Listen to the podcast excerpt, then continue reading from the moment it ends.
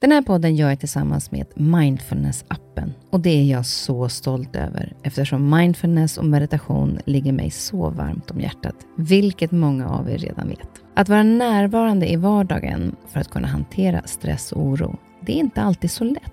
Då kan man ha mindfulness-appen nära till hands för att hjälpa dig när du behöver. För mig kan det vara så till exempel när det gäller sömnen, att vissa dagar då har jag riktigt svårt att komma till ro. Framför allt när det är mycket med jobbet. Då brukar jag använda mindfulness-appen och avsluta dagen med en avslappningsövning för att sänka stressnivån.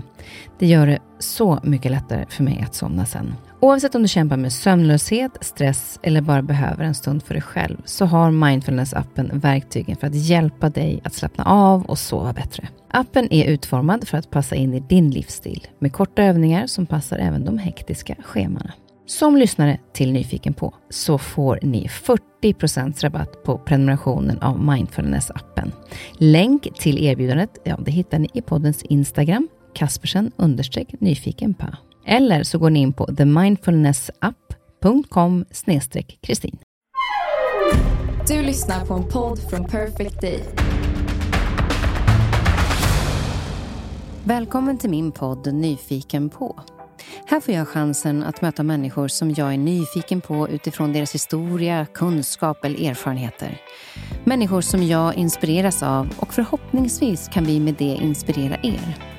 Och om ni gillar avsnittet får ni jättegärna dela det så fler får chansen att lyssna och det ger mig också möjligheten att få spridning på podden så att jag kan fortsätta länge att bjuda in människor till roliga och intressanta samtal. Glöm inte att du också kan gå in och prenumerera eller följa podden så missar du inte när avsnittet släpps. Veckans gäst var en av våra största alpina stjärnor, Thomas Fogdö. Han är med att bland annat vinna den totala världskuppen en gång och fem världscupsdelsegrar innan Thomas den 7 februari 1995 åkte längs en snäv transportsträcka i Åre och då olyckan var framme. Han körde mot en hård snökant och hamnade i obalans och föll ner från transportsträckan och rakt ner på en stubbe. Han själv förstod direkt att någonting allvarligt hade hänt. Thomas var då 25 år och på toppen av sin karriär. I flera år har Thomas jobbat med föreläsningar och är idrottspsykologisk och mental rådgivare. Han lever idag med sin fru Anna och tre tonårsdöttrar som alla är födda samma år. Jag är nyfiken på hur han, mitt i sin framgångsrika karriär, kunde hitta kraften att hitta nya vägar i livet, men då i rullstol. Hur hanterade han den omställningen? Var det självklart vad han ville göra? Hur såg han på livets möjligheter att få en familj? Och vad är hans styrka idag i att vara rådgivare för andra?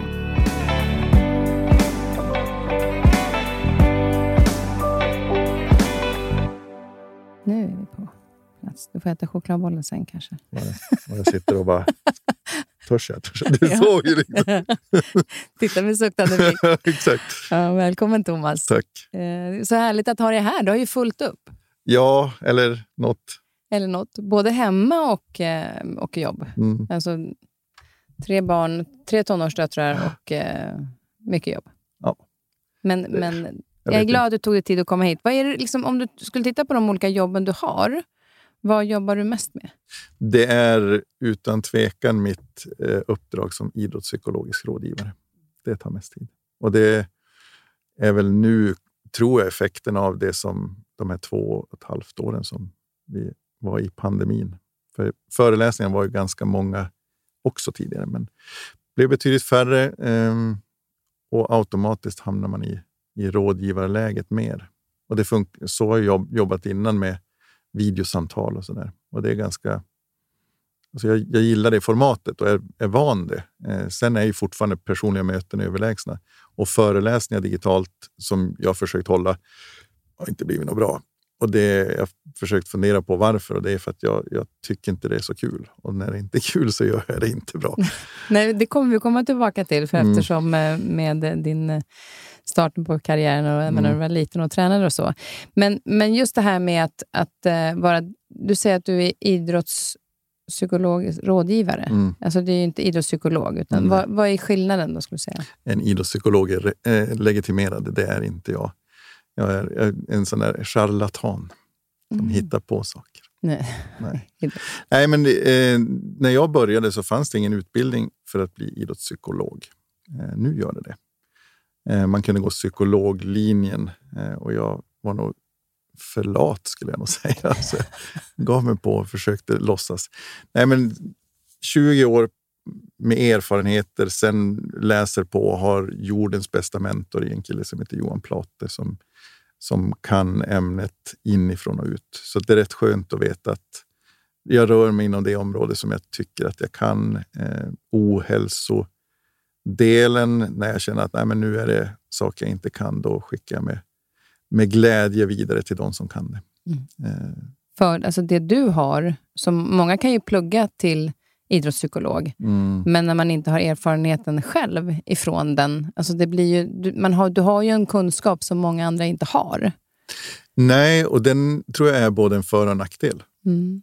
För det är ju liksom, jag märkte speciellt i början där så var det så lätt att liksom tänka, och speciellt om jag jobbade med någon som höll på med alpint, så var det lätt, ah, men hur skulle jag ha gjort? Och så gav jag kanske ett råd därefter. Och det är ju, kan ju vara intressant, men inget bra att ge som råd alla gånger. Så det har jag lärt mig. Så det, det, är en fördel att ha kunskaper, men det är också en, en nackdel, tänker jag. Det gäller att balansera det. Det gäller att balansera det, verkligen. Men det, och det, det går. Alltså nu är det ju nu är det så gammalt. Den erfarenhet som jag har från, från idrotten, den är ju i forntiden. Eh, så man kan, kan man dra någon anekdot som kan vara rolig, men då är det mer på ja, men, stadiet när jag träffade Ingemar första gången eller någonting sånt där. Hur var det då? Ja, det, alltså, jag beundrar många människor. Jag är ingen sån där som jag tror aldrig har jagat autografer någonsin. Det är några få som jag har tagit, men Ingemar är en sån där, för mig så är han enormt stor. Alltså både alltså idrottare först och främst, det är så jag lärde känna honom och sen har jag fått förmånen att lära, lära känna honom lite mer personligen. Och det är, han, är, han är fantastisk, rakt igenom. Vad är, vad är det du uppskattar mest med honom? Ja, men dels så kan jag känna igen mig i, i delar av att vara, inte kanske den som naturligt står i centrum, men han hamnar ju där. Det är så häftigt att få gå bredvid och se. Folk blir ju helt tagen av honom och han kliver aldrig in i ett rum och säger hej, nu är jag här. Men han behöver inte. Han, han bara är. Men sen är han också han är grym på att se människor. Man skulle kunna tänka att eftersom alla blir så intresserade av honom att det skulle bli ett otroligt ja, men, självcentrerat sätt att se på sig själv. Men han, han verkar inte vara sån alls. Snäll, vänlig intresserad. Han är ju så sjukt påläst. Så där så en annan blir ja, nästan som man får mindervärdeskomplex. Han kan ha koll på saker som, om en själv som man själv inte har koll på. Jag tänker, hur vet du det här? Mm. Jag i alla fall blir väldigt nyfiken just på honom för att han inte säger så mycket. Utan han är ju liksom, när man väl pratar med honom så gör han ju det. Mm. Men det blir så, vad är det han tänker nu? Mm. Alltså, vad är det som pågår? När man har sett intervjuer med honom och han är ju ganska fåordig mm. då, framförallt då när han var aktiv. Snabbpratet var Åke Strömmers kännemärke som sportreferent. Men ibland tvingades han hantera intervjuobjekt som inte var lika glada i att prata som han själv. Här en intervju med Ingemar Stenmark tidigt i dennes karriär. Har du haft någon annan idrott på gång? Spelar du fotboll eller så? Nej. Men du springer i fjällen? Jo, lite grann. Därför att det är rätt intressant att veta. Du är medveten om att du slog igenom i vintras internationellt? Ja. Och det där måste du försöka hålla nu, då måste du bli bättre än i fjol. Jo. Vad har Olle sagt till dig att du ska göra? Olle Rolén? Ja. Han har väl inte sagt just någonting. Inte det? Men vad gjorde ni nere i Italien när ni var där då? Vi, vi åkte skidor. Då blir man en men vänta nu, det måste ju finnas så mycket mer där bakom som, som han ja. har, liksom, för att han är där han är. Självklart. Du ja, får ta är... hit honom. Ja, verkligen. verkligen. Du, jag tänkte på det, nu är du i Stockholm och jag läste eh, en artikel nu inför det här, att, att, ehm, det var i och för sig ganska länge sedan, men, men du tyckte att när du var här så sa jag, jag kan aldrig bo här för folk går så fort. Titta, de nästan springer. Mm. Kan du känna det fortfarande? Jo, men det, alltså det är ju... Nu är inte Uppsala det är inte så långt bort, men det, det är ett annat tempo. Det är det verkligen. Sen kanske det är att jag själv är stressad över att det är mycket folk. Men sen... Jag, jag gillar Stockholm, det har jag alltid gjort. Mamma är från Stockholm, så det är liksom, jag, jag har hängt här. Men jag, jag känner att det är ett tempo som inte riktigt går i, i linje med mitt. Mm. Eh, men sen kan jag, jag menar som nu när jag satt utanför och väntade, få sitta och titta på bilar. Jag älskar bilar och här finns det ju alla sorter, jag på att säga. Så att, nej, Stockholm är bra. Inte- Hälsa, hälsa på går bra ibland. Det är absolut det är kul att komma hit och kul att åka härifrån. Du har ju tre tonåringar, eller en tonåring och Mm. två snart som blir Mm. tonåringar eftersom alla tre tjejer är födda eh, samma år. Mm. Eh, hur var du som tonåring? Jag var nog lite rebellisk tror jag. Mina föräldrar skildes precis i den här åldern som barnen är nu. Var, nej, det, var inget, det var inget skönt. Det var, det var jobbigt. Jag var, nog inte, jag var inte den som pratade om saker. Jag använde musiken mycket som min ventil. Och sen så gjorde jag väl saker som kanske inte man ska göra som tolvåring riktigt.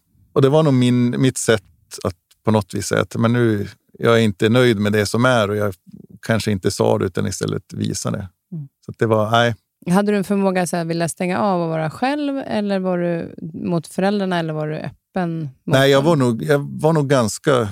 Nej, jag tror inte att jag... Jag bodde med pappa. Eh, vi hade den fördelningen. Nu Gällivare var ju så litet så att vi sågs ju ändå. Liksom. Men eh, jag bodde hos pappa på heltid och hängde hos mamma på heltid, höll på att säga. Eh, men jag tror inte vi pratade så mycket om men, det som vi gick igenom just då, utan nu är det så här så får vi liksom ta det därifrån.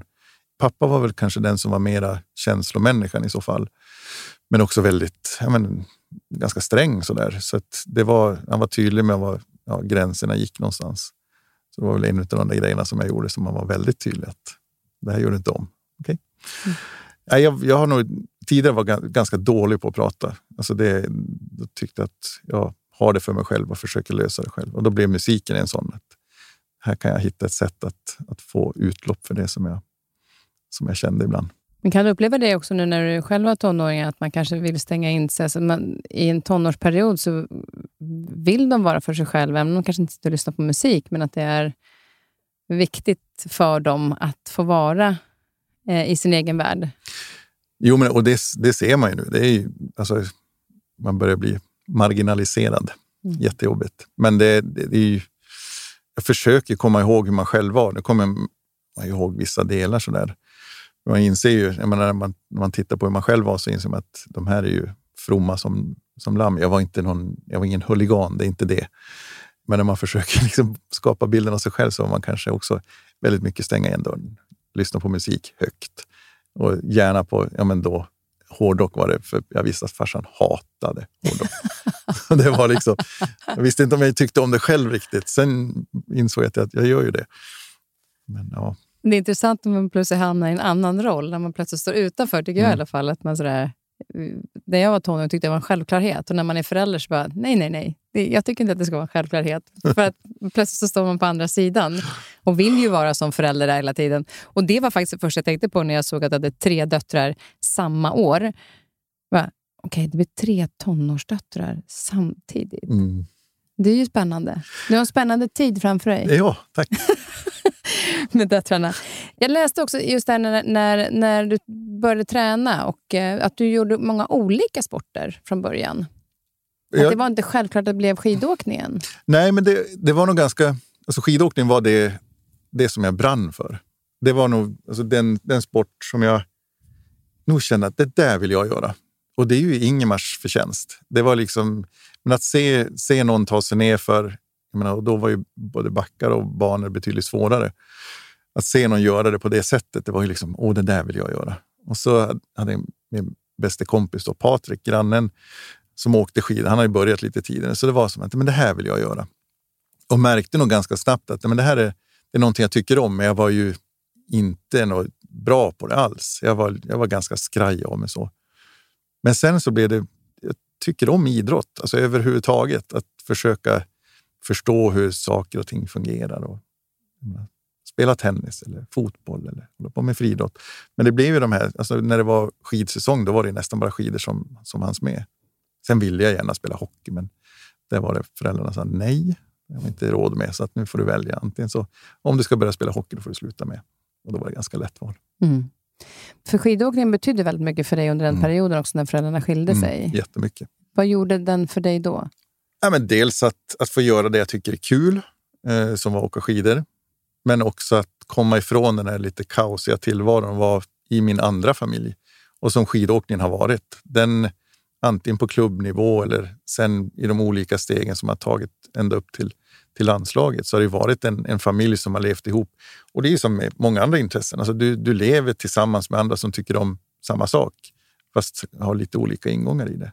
Och det är ändå, man, man har någonting gemensamt även om man också upptäcker att gud vad olika vi är. Fast vi liksom tycker om skidor så skulle alla vara likadan. Men det var vi absolut inte. Mm. Men så den familjen är, har varit jätte, både då och sen efteråt varit jätteviktig för en. Om man tittar på um, ungdomar och idrott idag så är det ju, tycker att det är en fördel att de får testa lite olika först, så att man inte liksom, de bara går in i en, att, att det finns den möjligheten, eller vad, vad skulle du säga? Jag tycker att man ska hålla på med olika. Mm. Alltså det, det är alltid det här, kan jag känna i alla fall, att är barnen verkligen intresserade av tennis? Eller har de blivit introducerade och det finns bara utrymme för tennis för att mamma eller pappa tycker att det är viktigt? Så att får du möjligheten att prova flera så kanske du upptäcker något som du absolut inte har kommit i närheten av. Eh, det är klart att föräldrarna nästan alltid är de som är, är startare någonstans. Men att hålla på med olika, få lite olika konstellationer, liksom olika människor så att det inte blir samma samma. Men jag, jag, jag förordar definitivt att man ska hålla på med olika. Det tyckte jag var så bra när eh, en av mina söner började med, eh, men då var det så här typ bollskola. Men det var tennisklubben som ordnade det i Sollentuna. och då var det i tennishallen. Då var de ju jättesmå, man fick ju bära dem ibland. Och så där. Men då fick de ju prova olika sporter, Mm. även om det var i tennishallen. Bra. Så att det var liksom, man hade innebandyklubbor där, och liksom, så att det var lite olika. Men det var ändå tennisklubben som ordnade det. För då fanns det ändå en öppning för att se, vill han mera hänga i laget eller vill han spela själv? Eller, alltså just hitta den. Det tycker jag var väldigt bra för att få fram lekfullheten dels, för det är ju väldigt mycket på lek då när de är så små. Men också se vad de, vad de fastnar lite grann för själva.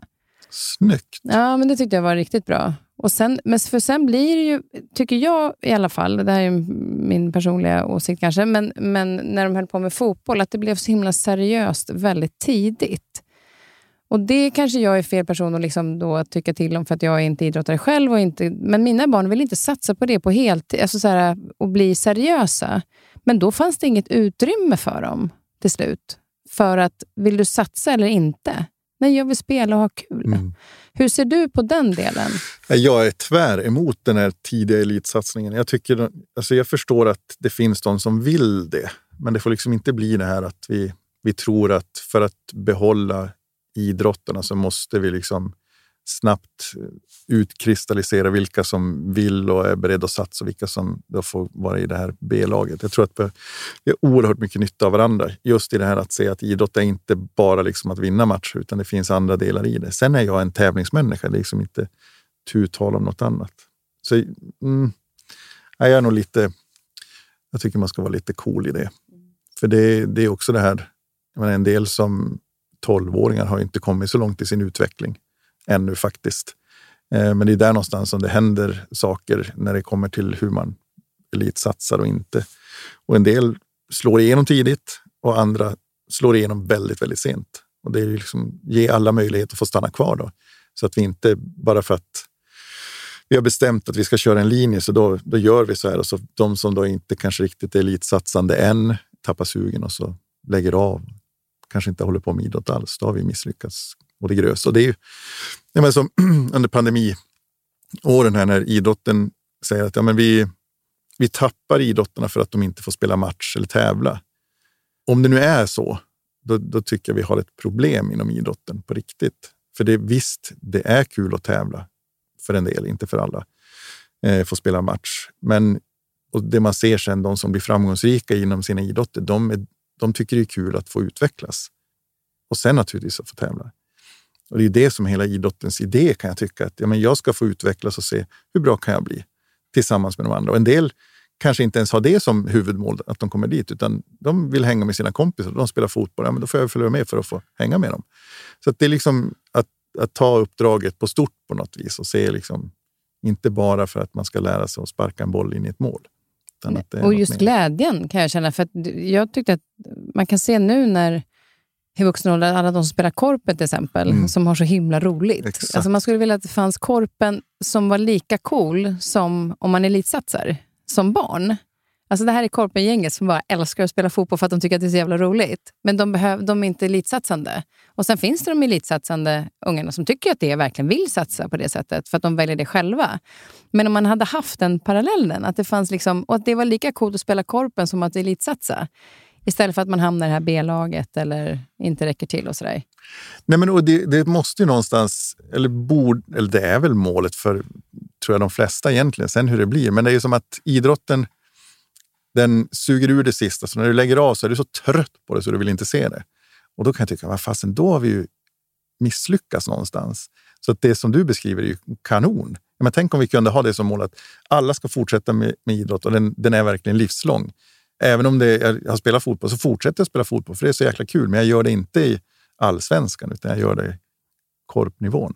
Nej, det, Nej, för jag, för jag har förstått på dig också, så här, när det, en period när det blev för allvarligt och du tappade lite glädjen så Mm. gick det heller inte bra. Nej, men då, nej, och så har det varit. Och det, det, och det har mina föräldrar har tutat i mig från början. att Du ska tycka det är kul. Tycker du det är kul, då, då ska du hålla på. Då kommer det naturligtvis streta emot ibland. Men det, det har ju, och det, det känner jag 52 år. Jag är fortfarande liksom driven av att det ska vara kul. Jag märker så fort jag liksom, det blir för mycket för länge av, av något som är tradigt, ja, men då, då tappar jag det. Så att glädje är jätte, jätteviktigt. Och det tycker jag ja, men de här två första åren som jag kom in i landslaget var, var inte särskilt roliga för att det blev så superseriöst. Men frågan är om det var det eller om det var min tolkning av det. Jag, menar, nu var ju, jag fick åka med mina idoler. Liksom. Då blir det, jag var inte jämlik, inte ens nära. Och då, då var det jobbigt.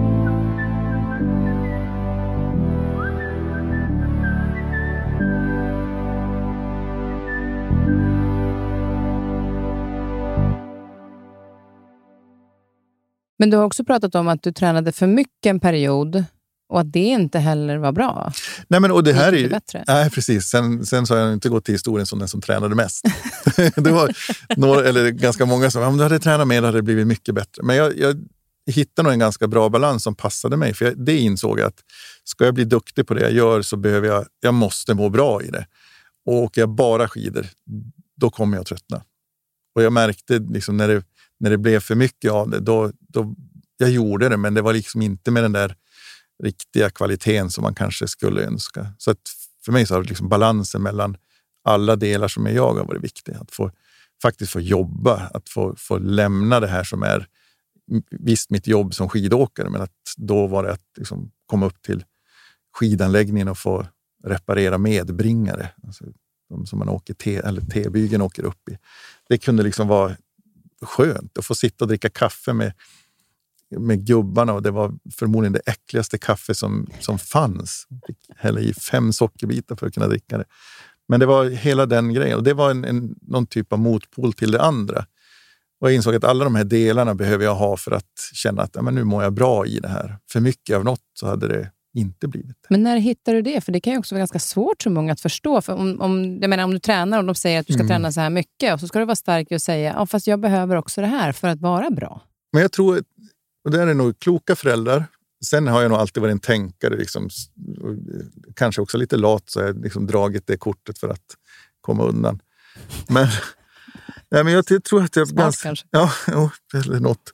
Nej, men jag tyckte mig nog se att jag mår, och det var också när, när jag också får framgång i det, det är klart då blir det lättare att få vatten på sin kvarn. Och hade, det, hade, hade det inte gått så bra, då hade jag nog fått mothugg från mina tränare. Eh, nu kom jag undan för att jag gjorde rätt bra ifrån mig.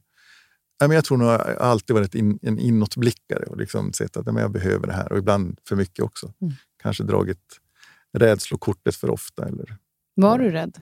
ja, men jag var nog ganska ängslig och det, kan jag, det är jag fortfarande, det märker jag i mitt föräldraskap. Jag, jag ser faror rätt långt innan de ens är i närheten av att uppstå.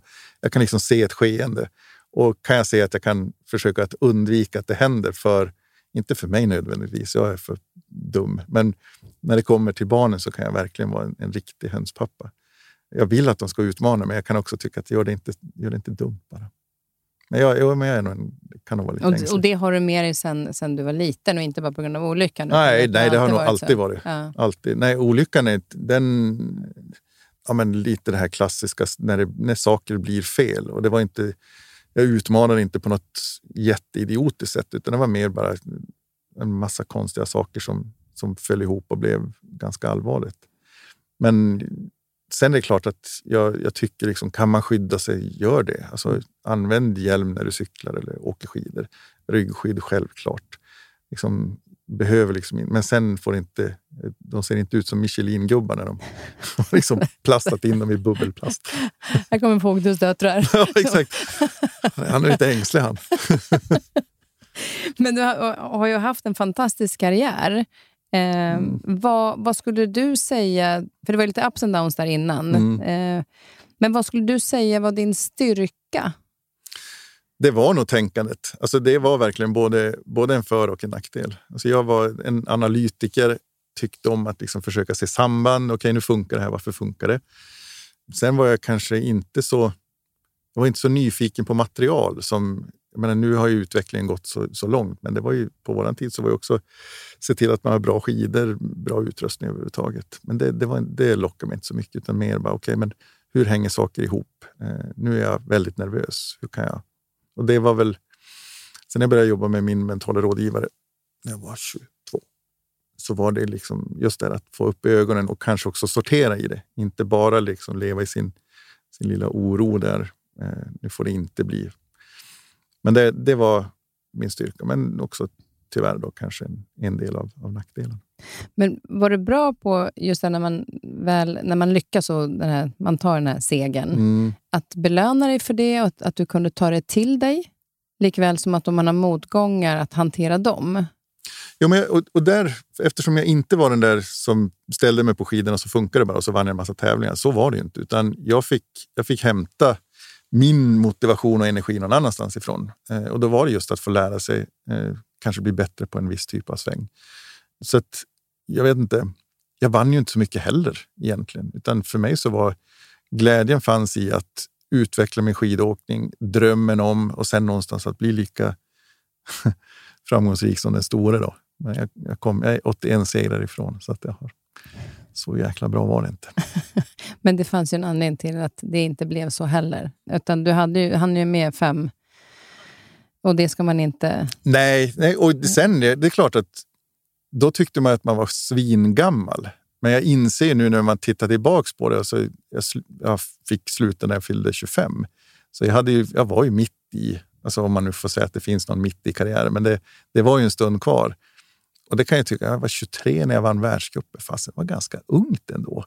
Men då tyckte man att fast det, tog sån tid innan. Så det är bra att få perspektiv ibland, tänker jag. Men det, det kanske man skulle ha när man står mitt i det istället för 27 år senare. Den är, men, men just prestationen som det blir väldigt stor fokus på. Det verkar alltså, lite grann som jag tycker det är härligt när du pratar om Ingmar Stenmark till exempel, att du värdesätter honom också väldigt mycket som människa. Att när en idrottare är sin prestation och den, det är det enda de är. Att det är så många idrottare man har hört som, när de slutar, vem är jag då? När jag inte har min prestation längre. Är det någonting som du tror att från början att du även fick med dig eftersom du var lite analytisk och eh, sökte dina behov under vägens gång och inte bara prestationen?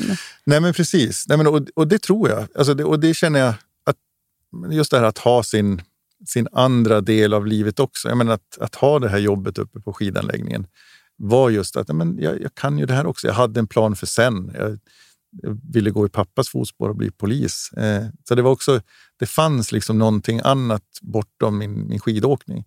Och det var nog ett lugn. Och det, nu när jag vet mer och när man liksom har, kan luta sig mot lite forskning så ser man att de som har en, en lite mer laid back eh, inställning, även om de är hyperseriösa, men vet att det här är inte på liv och död. De, de kommer väldigt, väldigt långt. Eh, och det är ju det, är det man kan önska, att ja, men se till att du har fler saker än bara ett ben att stå på. Men det är lättare sagt än gjort. Är du jätteintresserad så är det så lätt att, att hamna där. Men det är, jag, inte många jag träffat som är bara sin idrott, utan de, har, de spelar instrument eller de pluggar eller jobbar. Eller, och en del är ju, de blir ju inte ens rik på det de håller på med, alltså i idrottsväg, utan de måste jobba. Men ser det som, som en styrka att liksom få, ja, få bryta mönster. Ja, för jag tycker att man ändå har sett, tyvärr, för många exempel på att de bara har varit sin prestation och inte fått med utrymme för att vara någonting annat. Mm. Just för att det är så tidigt som man ska satsa. Det är så tidigt det handlar om prestationen, mm. så att man mm. inte bejakar människan i den man är. Och Lägger man fokus på vad jag ska göra sen, då tappar jag fokus ifrån det jag håller på med nu. Tyvärr. Ja, men precis. Men jag, jag blir så där, jag ser inget motsatsförhållande i att samtidigt som det är hyperseriöst inom en... Det spelar ingen roll om det är idrott eller arbete eller vad det är. Att samtidigt ha en, en rik mm, fritid. Jag menar, det, jag kan inte se motsatsförhållandet. Mm. Det, absolut inte. Och det var ju som... Jag kommer ihåg min manage sa då när, där på våren när finaste tiden hemma gäller var att, då, då att det är två veckor nu, nu åker jag iväg och är liksom uppe, uppe till fjälls. Du, du får inte tag i mig, men du, tänk på allt du, kunde, du hade kunnat testa skidor och du hade kunnat gjort sponsoruppdrag och bli mycket rikare och allt det där. Men det var verkligen så här, nej, men de här två veckorna uppe i fjällvärlden, de, de ger mig energi för resten av året. Så att de byter jag inte bort. Och det, det, tyckte han var svårt, ända tills jag bjöd upp honom så han fick se vad det var. Och då, efter det så tjatade han aldrig mer om att men du förstår ju hur mycket pengar du hade kunnat tjäna om. Och det är klart, nu utgår jag från mig själv, men också mm. nu med 20 års erfarenhet av att träffa högpresterare så ser jag att de som lyckas otroligt väl har en, en palett av, av delar av sin personlighet och sin identitet som, som bidrar. Och det är inte så, så att sätter jag mig nu och fika med min kompis istället för att ta det här träningspasset så innebär det inte att jag blir en sämre tennisspelare eller vad det nu är. Jag tycker att det är så skönt att höra. För jag, nu har jag mött några idrottare, både i intervjuer men också genom åren, som mm. just det här... Min pappa, en av dem, han pluggade i och för sig vid sidan av när han var landslagsmålvakt i fotboll. Men när han slutade, han var ju helt det var ju kaos. Han visste inte vem han... Alltså så här, just att det, man vet inte vem man är riktigt och, så där, innan man hittar tillbaka.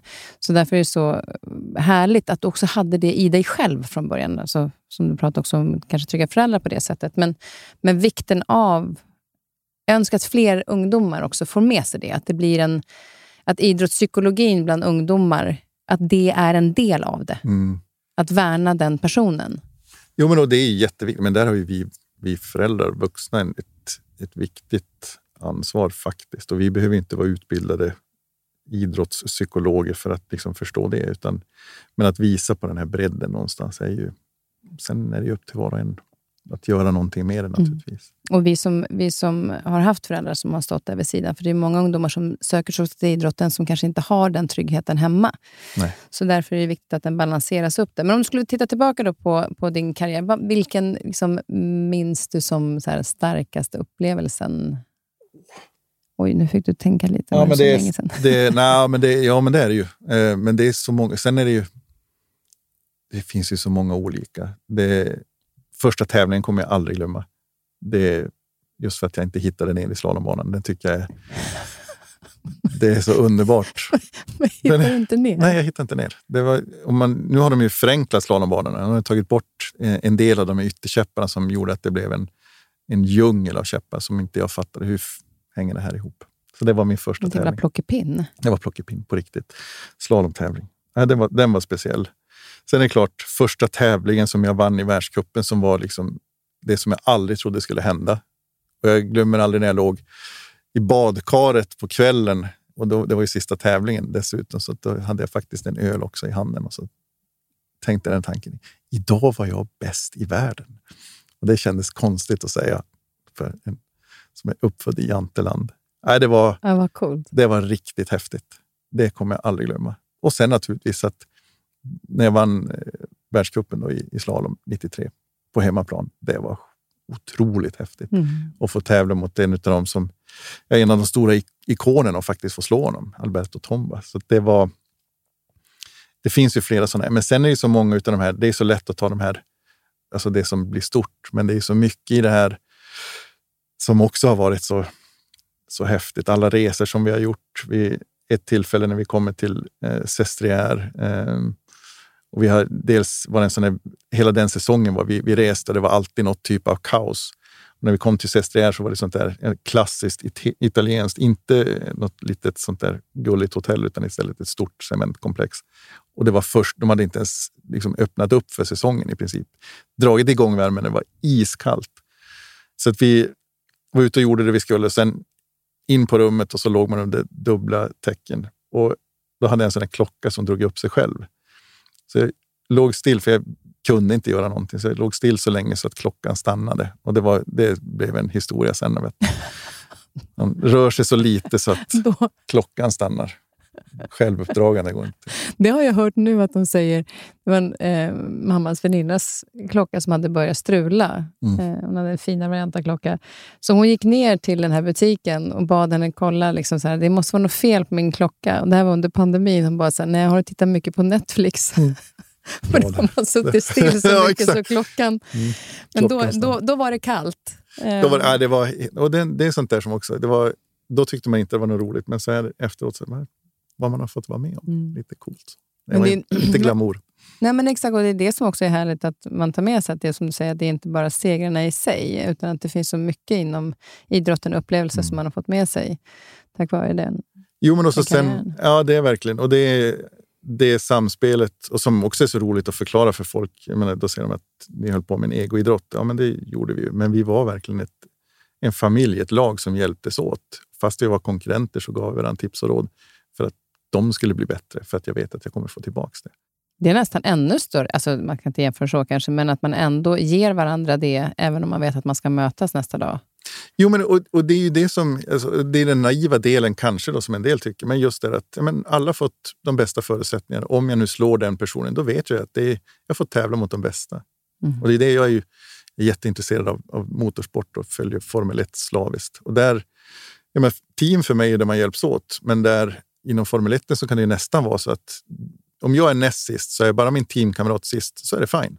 Och jag begriper inte det riktigt. Mm. Utan jag ska bara slå min teamkamrat, det är det viktigaste. Usch. Mm. Hjälps åt istället. Det blir Exakt. bättre. Ja, det blir ju en form av, det är ingen lagidrott, men det finns ju ett teamarbete i det. Det Nästa blir, gång är det den andra som, som eh, sitter i skiten och kan behöva hjälp. Exakt. Ja. Så bjuder jag lite så får jag någonting tillbaks i regel. Men bjuder jag och inte får någonting tillbaks, då slutar jag bjuda. Exakt, exakt. Så den där chokladbollen, hur, hur blir det med den? Men du får jättegärna... Nej, jag ska inte. Jag skojar.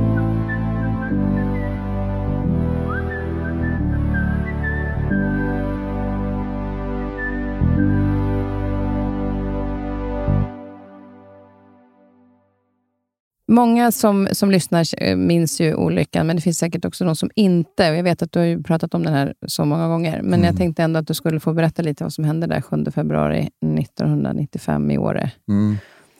Vi var där och tränade. Vi skulle ha varit på VM, men det blev inställt det året. VM skulle ha gått till Spanien. Det brukar också vara lite roligt. Varför blev VM inställt? Mm. Det var snöbrist. Ehm, så hamnade vi i Åre. Så det blir ju tävlingsfritt, i alla fall de större tävlingarna när det är något mästerskap. Och då fick vi träna och det, det passade ganska bra. Eh, jag var inte kanske i den här...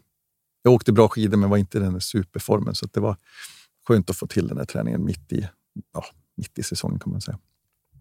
Och vi hade fått en, en backe som var jättebra, utmanande, svår, men också lite knepig att ta sig till. Eh, inte normalt sett, för det fanns det en lift som man kunde ta och åka, kliva av halvvägs. Men den var avstängd, så vi fick åka en lift, åka via en backe genom ett skogsparti för att komma dit. Och hade gjort några runder som inte hade gått något bra. Jag var, minns verkligen frustrationen över att varför får jag det inte att funka bättre? Eh, och var väl i mitt tänkarläge samtidigt som jag skulle bara transportera mig eh, och ta sats ordentligt. För jag hade upptäckt att i den här lilla skogsstigen eller transporten så var det lite uppför och jag ville för allt i världen inte staka bort energin. Så jag tänker, har jag ordentligt med fart så slipper jag staka. Men då mycket fart parat med oknäppta pjäxor, eh, parat med dålig koncentration var liksom ingen, ingen bra kombo. Så då blir det, jag svänger in, svänger lite för tidigt, märker det och så styr jag om bara för att hamna rätt eh, och kör då i en liten snöhög precis när jag åker över ett litet krön. Och då har jag lite fel balans och då är det som sagt lite okoncentrerad. Så det går jättefort. Slår i i min högerskida, slår mig ur balans och så står jag kvar på vänstern Och då är jag, jag, åker, jag står fortfarande på skidorna men ser att jag är på väg in mot skogen. Sen vet jag inte om det är att, att jag lyckas på något vis välta eller om, om det är så att den andra skidan också löser ut i det läget, att jag är i ett sånt läge. Men det blir i alla fall någon halv kullerbytta ut i skogen. Och jag, också det här, jag visste att nu, det kommer att göra ont. Det är liksom, vad kommer jag slå emot? Det var ju fullt med träd. Men det blir, tror jag, då, som en halv kullerbytta ut i skogen. Och eh, det tar stopp mot en stubbe som ligger under snön. Så lite broms är det, men det blir en ganska rejäl smäll. Jag vet inte hur fort det kan ha gått, men väl fort i alla fall. Mm. Så det var, ingen, det var inte den skönaste. Men det gjorde inget ont då. Utan det du var kände en, inte själva nej, smällen på det sättet? Nej, utan det var en riktig tjong. Det som jag minns det var liksom att jag låg på rygg och hade benen liksom över mig. Jag var som dubbelvikt. Och det var också en sån där konstig känsla av att nu måste jag ha gjort illa mig ordentligt för så här, så här viger är jag inte egentligen. Och ropade då på mina tränare som var, de hade åkt före mig, så de var, jag hade det var tre stycken som var före. Så de hörde att det hade hänt någonting och kom direkt. Och sen så blev jag liggandes där tills, tills de lyckades få upp mig därifrån. Och det var, det var en apparat. Men då började det till slut att göra ganska, eller väldigt, väldigt ont. Ja, för de, de, vad jag förstod så kunde du, fick du ingen smärtlindring heller på en gång. Nej, för det var och det, ja, det där kan ju sjukvårdspersonal bättre än jag, men det var väl antagligen för att se att det inte är någonting annat som har gått sönder. Men de var alltså, fantastiska. För det, jag har varit där och tittat sen efteråt och sett liksom stället.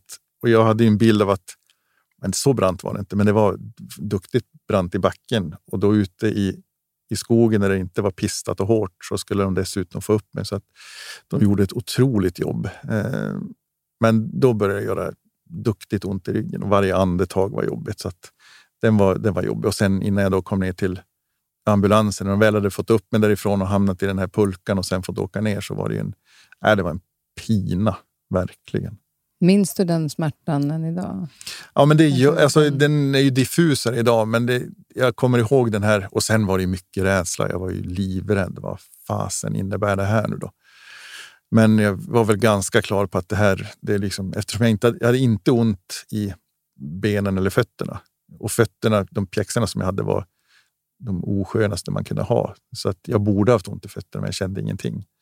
Och en jättekonstig känsla. Liksom bäckenet kändes som att det var vidöppet. Så jag trodde först att det var, det var det som hade slagit sönder. Eh, att jag hade gjort en sån där, ja, men som det hade varit någon störtåsåkare i, det var också en sån där, man kommer ihåg, som hade gjort illa sig på en störtåstävling i Vängen. Men där han hade slagit, alltså fastnat och rivit upp sitt bäcken. Och det var liksom något sånt jag tänkte att det, det är det. Men sen när jag hade ont i ryggen så förstod jag att det, men det är ryggen jag har slagit i. Och då börjar man ju så smått att fatta att det här är inte kanske något bra ställe att ha gjort illa sig på. Och då när, men det var först när du kom till sjukhuset sen som du fick smärtlindring? Precis. Åre sjukstuga. Och, då, och det var ju ja, men bara det här att känna att ja, men nu kan jag slappna av lite och då dimmar jag bort ganska rejält. Så då kommer jag inte ihåg så mycket vad som hände. Alltså transporten till Östersund minns jag inte brottstycken från Östersund. Mer än att jag förstod att nu det är, jag har fått ett brott på ryggraden och att jag ska vidare till Umeå. Det var liksom det som jag visste. Sen i helikoptern från Östersund till Umeå, då var jag mera, mycket mer vaken. Men du fick ganska snabbt besked om att, att det var illa? Mm, men då sa de att, men då, då var det ju klassiken att de inte de sa inte, de visste inte mer än att du har ett brott på ryggraden. Sen hur allvarligt det är, men det vet vi inte.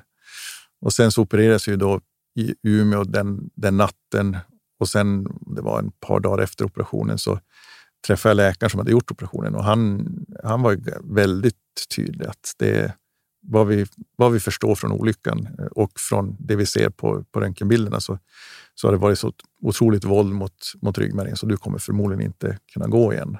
Men vi vet inte. Men det var, väl, det var tydligt nog för att jag förstod att det, det blir nog rullstol. Vad tänkte du då? Nej, det var nog det värsta jag kunde tänka mig. Eh, men ändå liksom inte det här, inte det nattsvarta som jag trodde att det nu... någon gång innan så tänkte jag, när jag såg någon som satt i stol, så tänkte jag att fasen, tänk att kunna... Alltså, för då flyttade jag över in i min värld. Då skulle jag om jag satt i stol, vad skulle det innebära? Jag ska inte åka skidor, det vore ju hemskt. Eh, livet hemma i Gällivare, ute i skog och mark. Rullstol funkar inte. Så det var liksom allt som fyllde livet med någonting. Det var ju, det var ju benen, de som jag behövde för att kunna göra det som är mina intressen. Och att sitta i stol, nej. Så tanken var ju liksom innan att skulle det hända så då får det vara. Liksom. Så händer det. Man, jag har inte gått och närt den tanken som tur är, men att då landa i, i det var väl, alltså jag grät floder, var livrädd vad det skulle innebära, men inte det här att nej, nu skiter jag i det. Det fanns aldrig. Och sen så, jag menar, dels fantastisk sjukvård. De var duktiga på att säga så här är det. Men det kan också bli så här. Vi ska göra allt vad vi kan för att du ska få de verktyg som behövs för att du ska kunna leva ett, ett normalt liv i stol. Och det var ju omöjligt att förstå från början att, att leva ett normalt liv i rullstol trodde jag inte gick. Men jag hade ju hade inga erfarenheter. Jag visste inte vad det innebar. Och sen också normalt var ju kanske mitt gamla liv och det, det förstår jag att det kanske inte kommer se ut som, som det gjorde. Men nu 27 år senare så vet jag att jag, jag lever nog som jag skulle ha levt om jag hade slutat alltså med skidorna på ett naturligt sätt. Sen är det klart att jag hade förmodligen åkt mer skidor, kanske. Kanske varit polis, kanske. Det vet man inte. Nej. Men jag tänker på, för du pratar mycket om just det här som du säger, den här fantastiska sjukvården. Att de, de på sjukhuset fanns ju där såklart eh, mm. för din fysiska del, men också den mentala mm. delen. Att de hjälpte dig väldigt mycket på det sättet. Ja, men de fanns där. Alltså, det var ju det där som... Menar, nu när man läser eh, och hör om, om sjukvården så att det, det, inte finns tid. Och det kanske, jag vet inte om det inte fanns det då heller, men jag upplevde aldrig att jag var förbisedd, utan de fanns där och de hade också fingertoppskänsla när det liksom var läge att faktiskt utmana och när det var läge att nej men vi, nu tar vi det lugnt bara. Nu pratar vi lite och så lite massage och så blir det här bra. Så det var nej, de otroligt professionella. Och det är ju liksom att få den plattformen och sen jobba vidare ifrån. För sen fattar jag att det är ju inte, de kommer inte göra jobbet åt mig, utan det måste jag ju fixa själv. Men allt det som behövdes i form av ja, men, trygghet först och främst, men av kunskap och förståelse för hur, hur allt det här nya någonstans hänger ihop. Det, det fick jag ju. Så att det var ju liksom, jag menar, återigen hur, hur viktig förberedelse det är för en prestation. Och i det här fallet så var det ju jag menar, för livet, medan tidigare så var det mer att försöka jaga hundradelar. Ja, de var, är grymma. Du har också det här med vikten av familj och vänner, mm. men också förståelse. Alltså så här, man ser vilka som är ens riktiga vänner, har du pratat om. På vilket sätt upplevde du det? Nej, men, och, och det, är väl, och det, det vittnar väl alla om. Alltså de här som man tror då har funnits och varit nära som kanske inte är det längre på samma sätt. Och då var ju det mer en, lite grann en besvikelse kanske av att de försvann åt sidan. Sen hade jag ju så otroligt många som brydde sig om och sådana som jag aldrig hade träffat innan som brydde sig om. Så det var ju överväldigande. Men sen några då som, som inte riktigt var där. Och då besvikelsen. Nu har jag en förståelse och det det är ju svårt när det händer saker. Hur ska jag bete mig? Och när jag inte vet det, ja, men då, då gör jag det jag kan och det är att göra ingenting i det här fallet. Och det är inte, inte för att vara dum, utan för att de inte vet. Så jag, vad skulle du säga till de som hör det, som kanske har någon som har råkat ut för någonting? Alltså, det, jag tror att, och det kan jag själv känna nu när jag har en god vän som har råkat illa ut. Det är så lätt att av omtanke tänka jag ska inte störa för mycket. Men det, det går inte. Alltså det är hellre då att, att störa och få höra att du, jag behöver lugn och ro än att man, var, var försvann Thomas någonstans? Varför hör inte han av sig? Så att det är bättre att höra av sig, om inte annat för sin egen skull. Att bara känna att ja, men jag, jag fanns där för min kompis som hade det tungt. Och det behöver inte vara att de skadas, utan det kan vara vad som helst. Men det är, jag tror att, och sen är lite rädslan. Kan, kan jag verkligen göra något? Säg att hen frågar mig om om råd och jag kan inte ge ett, ett svar, vad, vad blir det då? Mm. Så jag tror det är mycket, mycket rädsla. Jag tyckte det var så, eh, en sak som jag upplevde när mamma blev sjuk, då, för det var ju under en månad, och då visste ju kompisen att mm. man var typ, man vill inte störa. Men då hade jag ett par kompisar som bara skickade ett hjärta mm. och inte förväntade sig något svar. Men då kände jag att de är där. Och så kom det så här, typ varannan dag kom det ett hjärta. Och så fick man ett leende och så kände man att ja, de är där, vi tar det här sen. För då kunde jag vara fokuserad på det jag behövde. Mm. Så det finns ju så enkla medel att kunna visa att man faktiskt finns där. Men sen hade du också några som kom på besök och du fick en tavla. Jag kan inte låta bli att skratta. För Gunde kom upp med en Ja, tavla. exakt. Nej, och, det, eh, och det är en av de här nu som hör till superhjältarna. Gunde är verkligen en av dem. Och min manager eh, jobbade med Gunde. Så Gunde kom upp med en tavla. Eh, han hade med sig sitt bevingade. Ingenting är omöjligt. Ja, hej och välkomna till Ingenting är omöjligt. Såg ni förra veckans program? Det är ingen lek, eller hur? Bägge två missar precis på sluttampen. Jag trodde att hjärtat ska hoppa ur kroppen. Och det här var nog, jag vet inte hur långt inne, tre veckor kanske, fyra. Och då tyckte jag fan allt var omöjligt. Så att den där var väl... Var det provocerande? Ja, lite, lite så. Men, och, det är ju, och känner man Gunde så vet man verkligen att han, han har ju rätt. Och det är ju, idag så skriver jag under alla dagar i veckan på att ingenting är omöjligt. Sen är det ju just det där att jag menar, kunna sortera i det. Då kunde inte jag. Alltså det, då hade jag ju fullt sjå med att kunna förflytta mig. Eh, alltså ta mig från sängen till rullstolen. Alltså försökte komma på en teknik och klä på mig själv. Så att det var liksom, då känner man så här, men lätt för dig att säga. Jävla längdåkare. Ungefär. Men du hade tavlan så att du såg den? Definitivt. Nej, men och den blev ju en, en del av...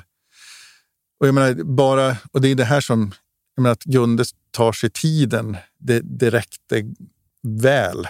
Och sen den här tavlan, ja, men den, den blev, alltså, eller var väldigt sekundär från början. Lite som sagt lite provocerande. Men sen att få ha den som någon sorts påminnelse. När, och speciellt när jag, jag skrev dagbok eh, och det var just det att, att faktiskt kunna se, även om det var mitt i någonting som var frustrerande, kunna se att men för, för två veckor sedan var jag här och jag har kommit så här långt redan. Att påminna sig någonstans om att det finns en framtid där borta. Och då blir ju de här alltså, Gundes bevingande faktiskt de är nyttiga. Det är de fortfarande. Liksom. Att, för jag, jag, har, jag har nog historiskt haft en tendens att ibland skydda mig genom att säga att det, det är omöjligt. Eh, och så får man en Gunde som säger precis tvärtom. Ja, det omöjliga tar bara lite längre tid. Mm, exakt. Mm. Och det är, ju, det är ju så. Sen måste jag vara intresserad. En del saker kommer ju vara omöjliga för att jag inte vill. Mm. Men då är det för att jag inte vill, inte för att det inte går eller att jag inte kan. Men du såg ändå att, eh, eller bestämde för att livet är ju fortfarande här. Mm. Kunde du komma in, när, när, hur långt det tog det innan du kom in liksom i det här, det här kan jag inte påverka det som har skett, utan nu har du tagit en ny väg? Jag tror att det var ganska tidigt. Jag vill tro det. Sen är, ju, menar, nu är det så lång tid så jag har säkert snyggat till de där minnena. Men jag tror jag kände ganska tidigt att nej, men det, det här, nu är det som det är. Och jag, återigen, personalen var så tydlig. Läkaren var så tydlig så att det fanns liksom inte utrymme för några tolkningar som, som skulle göra att ja, men om, om två år så kanske de har hittat lösningen så jag väntar till dess. Utan de var ganska tydliga på att det, vi börjar jobba nu för det som ska bli utifrån rådande omständigheter och så hoppas vi på en, någon typ av lösning om tio år eller vad det nu blir. Och jag landade, och det var nog för att skydda mig själv också, att nej men jag, händer nu någonting som gör att jag kan gå igen, jättebra. Men gör det det inte så ska det bli ett bra liv ändå. Och det, jag fick den plattformen på sjukan. Och det, är, det låter så glättigt och det var det absolut inte. Det har varit och är fortfarande liksom svajigt. Jag kan ha, tycka att det är skit att sitta i stol, men jag kommer också på efter en stund att men det kanske inte är stolen som är, är problemet just, utan jag skyller på det när jag egentligen är kanske slut, ute. Jag behöver vila, göra någonting annat. Så att, vilka, ja. vilka stunder kan det vara? Det kan, ja, men, att resa har jag alltid älskat, men nu kan jag tycka liksom att det är ett krångel för det, det är liksom ett moment till där man tar reda på allt, men det är nästan alltid så att man får vara beredd på att det är någonting som inte funkar. Det var som, vi hade hyrt en, en lägenhet i, i, Spanien, en nybyggd som skulle vara anpassad och bra allting. Men vi kommer dit, perfekt allting, bortsett från att i duschen funkade liksom inte. Det fanns ett badkar och det brukar inte vara något problem. Bara att det, de hade byggt in den så, så att det gick inte att, att lyfta sig någonstans riktigt. Så jag insåg att det där går bra att ta sig i säkert, men lite fuktig, lite blöt. Ska jag ur därifrån, det är med risk för att jag bryter armar och ben när jag ska upp därifrån. Så jag insåg att det här kommer inte gå. Och vi ska vara här i två veckor nu. Och då, då var jag riktigt under isen och tänkte, att men jag, alltså jag kan ju inte vara här i två veckor och inte duscha. Det går ju liksom inte. Hur ska vi lösa det? Och, ja, då var jag skitless.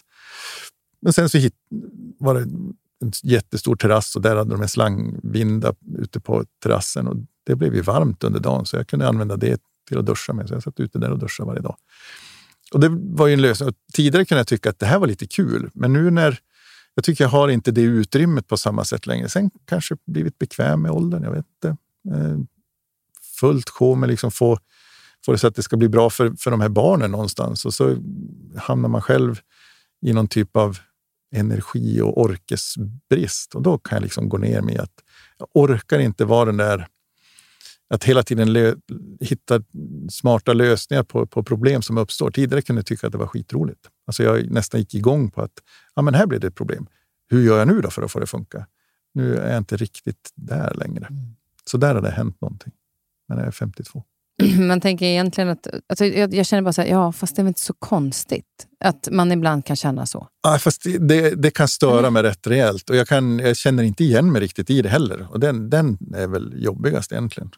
Det... Men vi, alltså, även om inte jag sitter stort kan jag bli skitless på saker när det ställer sig i vägen för, för. Men det är som du säger, jag är väl kanske trött mm. då. Alltså, Nej, det är då... kanske inte det som egentligen är det problemet. Nej. Nej, men förmodligen så finns det en skitbra förklaring. Men det är också det här, man, man tycker man har gjort allting och så ändå landar i att nej, sket det sig ändå.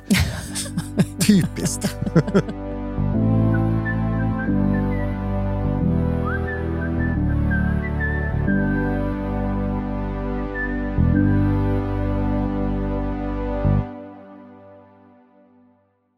Men, fa men, familjen är ju viktig och, och, när man tänker då direkt efter olyckan så då var du tillsammans med Marina mm. och sen så bröt du ni upp. Kan, kände du någon gång att när man ändå vill ha familj och flickvän, kunde du känna att det är en osäkerhet? Att skillnaden från att träffa någon när du inte satt i stol till att träffa någon när mm. du satt där? Jo, men det, så var det nog. Men jag, jag har nog alltid tänkt så här, men är jag själv så är jag själv. Och då är inte det hela världen. Sen vill, vill nog alla dela sitt liv med någon, så är det ju. Men jag var nog ganska lugn i det och på ett sätt också när jag levde själv, vad det nu blev, nästan två år, så var det, det var nyttigt, speciellt då, att liksom se att nej, jag, kan, jag kan stå på helt egna ben, hjul. Eh, klara mig själv eh, så som liksom, min tanke var att jag ska liksom inte vara beroende av någon. Och Det är också så jävla dum. Jag, jag är beroende av folk hela tiden. Så. Men just det att, att det här som hör till, till vardagen, det ska jag kunna fixa själv. Och det var ju, ja, men när vi byggde huset så var det just att jag ska kunna vattna blommorna och inte behöva liksom fara runt som en Tarzan i, i huset för att, att, kunna göra det. Jag ska kunna släcka lamporna. Men då var det inte så smarta lampor som vi har idag. Eh, så det var, de här åren blev, var nyttig för mig som person. Så jag växte i det att liksom säga att nej, men jag, jag kan jag vill leva ihop med någon, men jag kan också leva själv. Och det var liksom huh, rätt skönt. Jag var nog inte så där så att jag tänkte att nej, men är det någon som vill leva tillsammans med mig som sitter i stol? Jag vet inte om jag tänkte så. Jag kan bara tycka att det är svårt att träffa någon överhuvudtaget efter 14 år som singel. Så jag menar, jag kan... Ibland så just säger man så här, vad är det vad är det som står i vägen? Alltså, mm. Det finns många mm. olika anledningar till det. Men, det är inte, men just det här att man, när, när man tidigare har dejtat så har ju förutsättningarna på annat sätt. Mm. Även om inte det är bättre eller sämre. Men det är andra förutsättningar när man ska gå in i dejtandet nästa gång än vad det var förra gången. Och den omställningen. Men du lyckades ju bra. ja, jag gjorde ju det. Ja. För ni träffades, ni träffades först en gång. Mm, precis, vi träffades på kompisars bröllop första gången och det var verkligen så här bara, mm, och fick jag veta sen att hon hade tyckt likadant. Men vi pratades och lite sådär och sen så skulle hon iväg och jobba så det blev liksom inte... Hon stack tidigare från, från själva festen. Så där, bara, hm, han också. Men så blev inte mer av det än så. Men sen jag kunde inte riktigt släppa det där och så skulle vi ha nyårsfest. Och så pratade jag med min kompis. Bara, du, hon den där Anna. Och de fattade väl. Så att, ja, och på den vägen var det. Så jag bjöd in och sen dess har vi hängt ihop. Alltså, du kan det där. Ja, eller hur? Skitbra. Jag vet inte. men vilket Nej, men, år var det? 2001. Ja, och sen så tog det ju några år sen, för ni vill ju såklart ha barn och familj, mm. vilket var väldigt viktigt för dig, vad jag förstår när jag läste om det. Men, det. Mm. men det tog lite tid. Så det här med att vi måste ju nästan reda ut det för de som inte fattar att du har tre döttrar som inte är trillingar, men är födda under samma år. Mm, precis. Det där, den är alltid lika rolig att dra. Ja, Folk blir så här, väldigt, kliar sig i huvudet. Hur går det här ihop? Exakt. Nej, men det, vi ville jättegärna ha barn, men det var inte det där så enkelt, så självklart som, som man tror.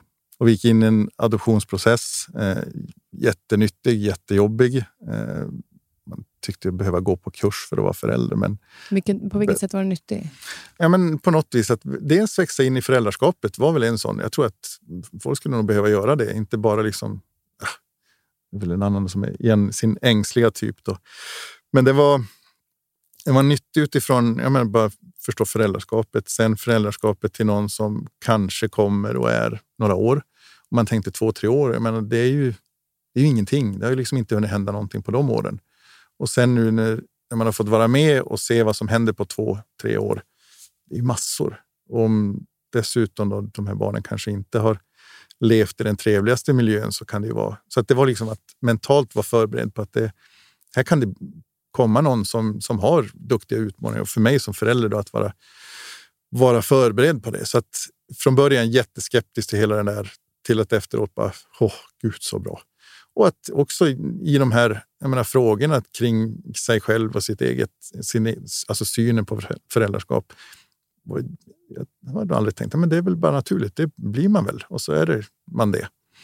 Men, så, ja, men var står jag någonstans i allt det här? Så det var, nej, det var jätte, jätte, jättebra. Men sen så kom ju nästa. Började ju bli äldre då, så när vi då skulle ställa oss i kö till de länderna som var öppna. Jag blev problemet här igen av att eh, en, en förälder i, i stol var inte självklart i vissa länder. Så hela östblocket var stängt för att jag ansågs inte vara en, en fullgod förälder som sitter i stol. De länderna som var öppna var, var kön så lång så då, var det, då började vi nästan ana att vi kommer nog... Vad känner man då när de anser att man inte är fullgod förälder för att man sitter i stol? Nej, men jag, naturligtvis en besvikelse någonstans och lite grann en knäck på att ja, men jag kanske inte är det. Alltså, när, och det har, det har jag ju tänkt flera gånger de här 13 åren också, att kanske inte är det. Just att jag kan, vissa delar kan jag göra, andra kan jag inte alls göra på samma sätt. Och lite grann det här med min ängslan av att kan jag finnas där om det, om det bränner till eh, på sätt som en, en gående och stående kan göra på ett annat sätt. Så det är klart att i, i någon sorts förståelse för, för barnen, vilket är det viktigaste, att liksom se till, till deras bästa. Men sen är det klart, när man sen börjar titta på, jag menar, man tittar på BMI, ja, men, spelar det någon roll? Om du nu råkar vara lite mer överviktig än vad den här BMI-gränsen säger, blir jag en sämre förälder då? Så att det är liksom några av de här, det känns lite, ja men, eller lite, väldigt förlegat. Liksom. Kom igen. Alltså det, Eh, vi behöver inte vara en dålig förälder för att, att jag kanske inte har karaktären när det kommer till att äta lite för mycket godis, för jag tycker det är gott. Eh, spelar det någon roll? jag är inte utövande kristen. Eh, innebär det att jag kommer att ge mitt barn en, en dålig uppväxt för att inte leva, leva de kristna värderingarna? Vilket jag förmodligen gör utan att veta om det. Alltså det, det, det blir jättekonstigt. Men det är väl också att förstå kulturen. Vi är, vi är olika och vi lever i en, i en sån värld. Men lite svårt att förstå. Men det var på något vis, det blev ett konstaterande att så här ser det ut. Och lite grann också när, när man såg de här köerna så förstod man att nej, men det, vi kanske inte blir föräldrar, men då har, vi, då har vi någonstans gjort det vi kan. Och då kanske jag är lite mer rationell än, än vad, vad Anna är som är både rationell och, och känslomänniska. Men sen så liksom blev det via slumpar så landade det i att vi ändå blir först frågan om vi vara familjehem åt en, en, ett barn som ännu inte är fött, eh, men behöver ett hem så fort hon föds. Eh, och eh, så blev det. Och det gick otroligt fort från att vara inne i nästan en, en eh, process där vi tänker att vi kommer inte få några barn. Och sen så vänder det bara på, på några veckor och så sen helt plötsligt så sitter vi med, med Saga då, som är nyfödd kommit hem. Det är liksom en graviditet på vad det nu blev, tio dagar eller någonting helt sanslöst från när vi fick frågan tills hon faktiskt föddes. Eh, och det var en otrolig omställning, men fantastisk. Och det är eh, världens mest underbara barn eh, som är liksom och som man också förstod att hon, hon var älskad, men av olika anledningar så kunde inte mamman ta hand om henne. Och det, det känns någonstans skönt och det syns ju på henne. Hon är en grundtrygg människa. Mm. Och då när hon kom till er så, så Händer det andra saker ja, också? Då, någonstans i den vevan så hade Anna blivit gravid. Eh, och det, det fattar vi nog inte förrän men senare den sommaren så började vi ana att det, någonting är det. Men det var ju på något vis, nej, men det kan det ju inte vara. Utan det är stressen kring att bli förälder på så kort tid. Hej och. Men sen att... Ja, det var en otrolig... När vi var på ultraljud första gången och det är otroligt snurrigt. Hade liksom- ni mer Saga då också? Eller? Hon var inte med då Nej. faktiskt. Hon var inte med. Eh, hon var med farmor. Nej, så det var... Var det Nej, då ni overkligt. såg att det var två? Då såg vi att det var två. Men det var också helt omöjligt att ta in. För han, läkaren säger bara att ja, men nu, nu får ni skaffa större bil. Jag tyckte men vi har en stor bil. Ja, men titta här ska vi se. Och innan jag fattar liksom att det, det är två individer där. Det är liksom inte bara två hjärtan som, som bultar i samma kropp, utan här är det faktiskt det är två stycken. Han, han var överpedagogisk, men det var liksom långsamt här inne i huvudet. Otroligt långsamt. Jag, jag kommer ihåg vi satt, eh, när vi gick ut därifrån så satte vi oss på en bänk och bara, det här händer ju liksom inte. Men sen så är det ju, ja, men som alla vet så är det ju känsligt och allt det där. Men sen så blev Hur det... gammal var Saga då? Ja, vad kan hon ha varit då? Två månader kanske? Det är helt Ja, det var helt... när, man, när man önskar någonting så starkt så gör du det ordentligt. Ja, liksom. exakt. Varför göra mindre? Ja, exakt. det var helt knäppt. Nej, och så sen kom de lite tidigt. Så det, det blev det. De skulle komma i februari, men ville komma ut i december. Så så då det blev bara- det samma år. Bara ett halvår emellan. Så det, det har varit körigt. Jag brukar säga påsen under ögonen, de tillägnar mina barn. Ja, för de måste... Alltså, det är ju mycket med barn generellt, Mm. men tre stycken samma ålder. Vilken, vilken ålder var det mest intensivt, skulle du säga? Alla? Alla? jag, vet, jag vet inte. Jag tycker, nej, men det, har varit så, det är så kul när man tittar på bilder. Man tyckte att men det, var, det var körigt där i början, men alltså, det var ändå liksom starka i det. Då ser vi bilder, vi ser ut som ras bägge två. Och verkligen fullständigt. Den, var, den var speciell. Sen när de började gå var speciell. Åt olika håll. Åt olika håll naturligtvis. Behövde bygga staket för att de inte skulle liksom krylla ut från, från tomten åt olika håll. Nej, det var verkligen... Men det, det, alla perioder har haft sitt. Fantastiskt, men också så här, menar, den ängsliga sidan igen av att "Huh, hur ska vi göra det här nu så det blir bra?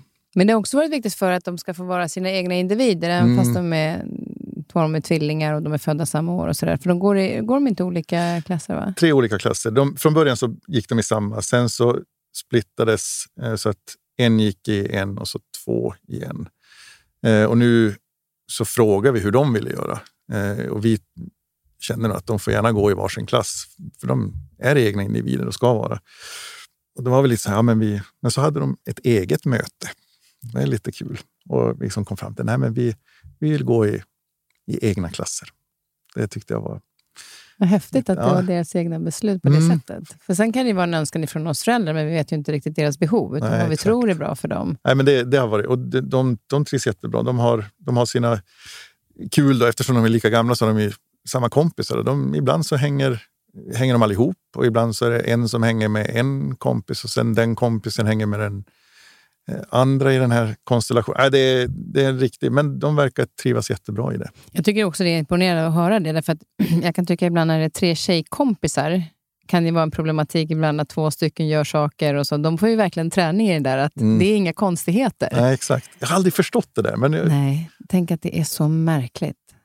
Jag tror att det måste vara osäkert. Men det är ju väldigt fint att, de, att den möjligheten, att de inte Mm. har något problem med det. Att de gör det och de, alltså man inte alltid, alltid måste göra allting tillsammans. Eller att det finns en avundsjuka att de kompisarna hänger nu och nu är inte jag. Och det, finns, det finns säkert, men, och det händer väl. Men jag tycker ändå någonstans att de, de har en, en bra och sund relation. Sen så märker man att nu är det en period när de kanske inte alltid är helt tillfreds med varandra. När någon har lånat en tröja utan att Är fråga. det lite så här systerskap? Ja, liksom, eller syskonskap? Det är absolut. Jag kommer ihåg när, när eh, vi bodde i, eh, med mamma ute i Saltis i ett hus. Så passade man på att vara först ner på morgonen. För då tog man de dojorna man ville, oavsett vems det var. Schysst. Och jag var, jag var oftast först upp. Och sen så kom Malin eh, och bara, fasiken, Kristina har snott mina skor. Och sen kom mamma ner, berättade barnflickan, och bara, jäkla ungar, nu har de snott mina skor. så det gällde bara först, så man fick det man ville ha. Ja, man får vara lite smart där. Men, men just det här med idrottspsykologin då, som du liksom jobbar med, eh, också tänker jag, skönt att ha den med sig lite grann också med barnen. Alltså i, Funkar inte alls. funkar... Nej, fy, alltså jag, jag kan ibland verkligen känna, alltså, jobbar jag med det här? Och, eller är det bara en fasad som jag har? För sen när jag är hemma så kan jag vara precis oduglig. vad tror... Jag har en tanke, men vad tror du om... om Nej, eh, Men det är för att här är det känslor. exakt. Det är liksom, jag fick en sån bara för något litet tag sedan när Saga ville börja på cheerleading, har hon kommit på. Och började här i våras om att prata om det. Och eh, som med alla idrotter, att börja sent är inte alltid skitenkelt. Och speciellt inte när det är en, en gymnas, gymnastisk variant på det heller. Eh, så jag, jag sa, och jag minns det inte så där ordagrant, men jag kommer ihåg att jag var, jag var tydlig med att du behöver, alltså det här kommer bli svårt och kanske till och med drog till med det kommer inte gå. För att du är liksom, nu är du 12, inte fyllt 13. Eh, och de andra kanske har hållit på i fem år. Så att det, ja, det kommer bli jätte, jättesvårt. Men, och det var väl bra att jag i alla fall drog det kortet, att tränar du bra eh, och liksom de grundövningarna som du tror kan behövas för att kunna liksom komma in i det här gänget, ja, då, då, kan, då finns det en möjlighet. Och hon har tränat som en tok under sommaren och gjort de här och är superduktig. Och provtränade och kom in. Men då fick jag ju höra då att pappa, kommer du ihåg vad du sa? Det stolt ögonblick i mitt liv. Man ska inte tro på sina barn. Nej, herregud i himmelen. Men det är ju också så att det är ju, man säger det, man ska alltid säga så här, ja men jag tror på dig och den, hela den där grejen. Men samtidigt så vet jag också, när min pappa inte har trott på mig så har jag också blivit skitförbannad och tänkt så här, nu jävlar ska jag visa han. Så att det har ju någonstans, jag vet inte om det är medvetet han har sagt det, att det där kommer liksom, det där blir svårt. Då bara, ja vänta du ska jag visa. Han var nog taktiker. Det var Tror nog jag. taktik, ja jag Mm. kanske, Jag, jag är bara dum. du är väldigt öppen och ärlig i alla fall. Det tycker jag är härligt. Nej, men, och, och det är ju, sen, jag vet ju någonstans, för jag, det är ju den där kärleken till dem och att inte liksom, de tror att det är bara att kliva in och så kommer de och så blir de besvikna när de inte lyckas med det. Ehm, och så tror man att man gör dem en tjänst och så gör de en otjänst istället. Så att, förhoppningsvis lär jag mig. Ja, och jag kan också känna så att, att eh, för jag pluggade ledarskap, eh, ledarskapskurser och då kan jag känna att jag blev otroligt mycket tydligare i kommunikationen och så vidare med utåt, det upplever jag själv och även andra har sagt det. Men det svåraste är ju barnen. Mm. Därför att dels så har man ett inrutat mönster som man är liksom van vid hur man kommunicerar. Plus att jag är känslomässigt involverad. Alltså jag kan ibland inte ställa mig utanför på samma sätt som jag kan om, om det är på jobbet eller med kompisar. Utan jag är, det händer ju saker i en. Och Det är väl en del det enda jag brukar säga så här, ja, jag har fasiken inte lyckats alla gånger, men jag har gjort mitt bästa, för jag trodde att det var det bästa, för att jag vill dig väl. Och det är inte alltid det. Men vi, någonstans gör vi ju ändå det vi tror är bäst. Även om vi säger Ja. dumma saker ibland. Ja, Usch, ja. Men, men jag kan också tycka att det är det som är styrkan, att vi också kan säga så här, vet du vad, vi gör inte alltid våra, liksom, de smartaste dragen. Det är ju också att visa att vara sårbar. Alltså, vi kan inte allt.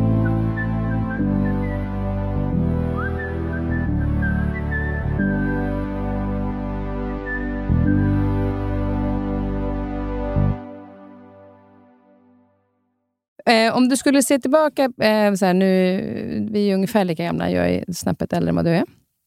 Vad skulle du säga liksom den viktigaste lärdomen? Jag tycker vi är halvvägs, tänker jag. Mm. Jag firade min granne som fyllde 100 år i, i måndags. Det, och jag är ju 52, så det känns som att jag är halvvägs. Vad skulle du säga är liksom de viktigaste lärdomarna från det du kan ha med dig från tidigare? Liksom? Men, säg olyckan då. Finns det någonting som du har tagit med dig i det som du lärde dig under den perioden? Som du känner att det här har gjort, verkligen gjort skillnad för mig i mitt sätt att leva idag? Ja, men det, det är nog, vi kan ta Gundes ord egentligen. Alltså det här med att saker kan hända, ganska allvarliga saker, men jag kan anpassa mig till dem. Det, och det, det går. Sen att det kommer vara skitjobbigt, men att jag ändå någonstans äger frågan hela tiden, det tycker jag har varit ja, men, viktigaste lärdomen. Det är, jag måste göra någonting med det.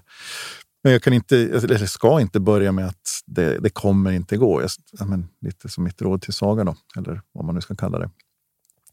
Och sen, det tycker jag nog att jag har blivit bättre på. Från början så var jag ganska... Testa nya saker, ja, men inte för mycket. Eh, dyker det upp saker från sidan så börja gärna med ett nej. Och till slut landar jag att nej, jag ska sluta säga nej. Jag ska jag menar, ta det här mötet, även om jag någonstans har en känsla av att det kommer inte leda någonstans. Men ta det ändå. Det, du vet aldrig. Och Det har också varit en sån där skön lärdom av att... Jag menar, och det är, har du sett Yes Man? Mm. Jim Carrey. Ja. ja. och det är på något vis, den, det är så underbart att sluta med det där att nej, problem kommer inte gå, utan istället göra lite som han gör, men säga ja till allt. Mm. Och vart det då tar en. Nu är inte jag riktigt, inte på samma hysteriska nivå, men någonstans ändå av att nej, men det finns saker om jag bara utvidgar det som är min lilla plattform och så upptäcker man nya saker om sig själv som jag inte trodde fanns. Och det, det kan jag tycka är liksom tillfredsställande, tillfredsställande. Men jag hoppas att det inte blir så där som som jag beskrev tidigare, just det här med att eh, börja bli bekväm och inte vilja ta ut svängarna för mycket, utan att jag ändå någonstans bibehåller den här nyfikenheten. Mm. Och det är så kul när man träffar människor som är nyfiken och liksom vill veta mer. Jag, ja, det är så häftigt, för då får jag helt plötsligt en, en inblick i, ja men just det, så kan det också vara. Så det är ju världens bästa podd som jag kommer djupdyka i varenda avsnitt. Nej, men, men men det, och det är just den här att, att eh, lyssna till, alltså att vara öppen för det. Och sen tänka så här, passar det här mig? Nej, kanske inte, men vad intressant att lyssna till. Mm. Eller, ja, det här känner jag för. För att någonstans så, som jag brukar tänka, så alla människor har en intressant historia. Och så är det ju. Någonstans. Någonstans. jag har tänkt så ibland att ja, om, inte, om jag sitter här och så min poddgäst blir sjuk, Undrar om jag ska gå till Humlegården och parken här utanför och bara så här, plocka någon och säga så här, har du lust att vara med i min podd? Mm. Och se vad det leder. Alltså sånt, för att någonstans så har vi så mycket att lära av varandra, men vikten av också att känna av att jag behöver inte göra som alla andra, utan jag kan ta det jag själv känner att jag behöver. Det är bra.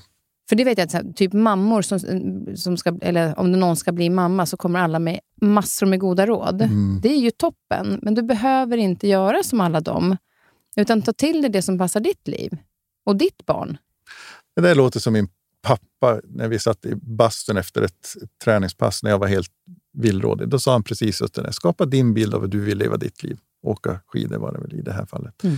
Och sen så lyssnar du på alla människor runt omkring. Och det är nog bland de bästa råd jag har fått.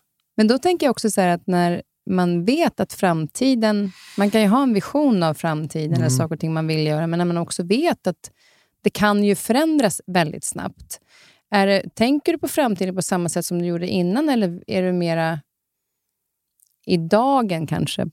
Eftersom man kan inte styra det riktigt. Äh, jag vet faktiskt inte. Jag tror nog, jag vill tro att jag är mera i dagen. Uh, är jättesvårt. Mm. För det är, nog ett, det, det, är ju ett både och. Um, jag menar, det, det är nog ingen som går genom livet och det inte har hänt ganska stora saker någonstans under resans gång.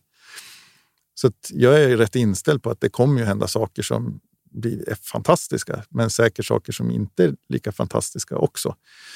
Men då genom att, jag menar, en del av de här lärdomarna från att vara 25 och råka ut för någonting så inser jag att men, det kommer vara saker som inte är roliga. Jag kommer kanske sörja dem, men jag kommer överleva dem tills den dagen jag inte är med längre. För det vet vi alla någonstans att det tar ju slut en dag. Och sen är det förhoppningsvis, som du säger, att vi är, vi är bara halvvägs in i det. Mm. Vi har 52 år till plus. Blir det något eh, mera bilkörande då? För Formel 1 där pratar du så mycket om mm. att ditt intresse och du har kört lite rally också. Ja, men lite sådär. Var det STCC eller? Nej, vi var faktiskt en, en supportklass till STCC. Mm. Körde Radical. Nej, det var vansinnigt kul. Uh, ja, jag skulle vilja säga ja. Jag kör lite gokart för kuls skull, men jag tror inte jag kommer... Eller jag säger ingenting där. Jag ska inte säga att nej, men jag kommer nog inte tävla. Jag tycker det, jag tycker det är jätteroligt. Men nu som med gokartandet. Det, tävla? Nej, jag måste inte. Jag känner att det kanske är med åldern också. Men jag vill göra det som jag tycker är kul och utvecklas i det.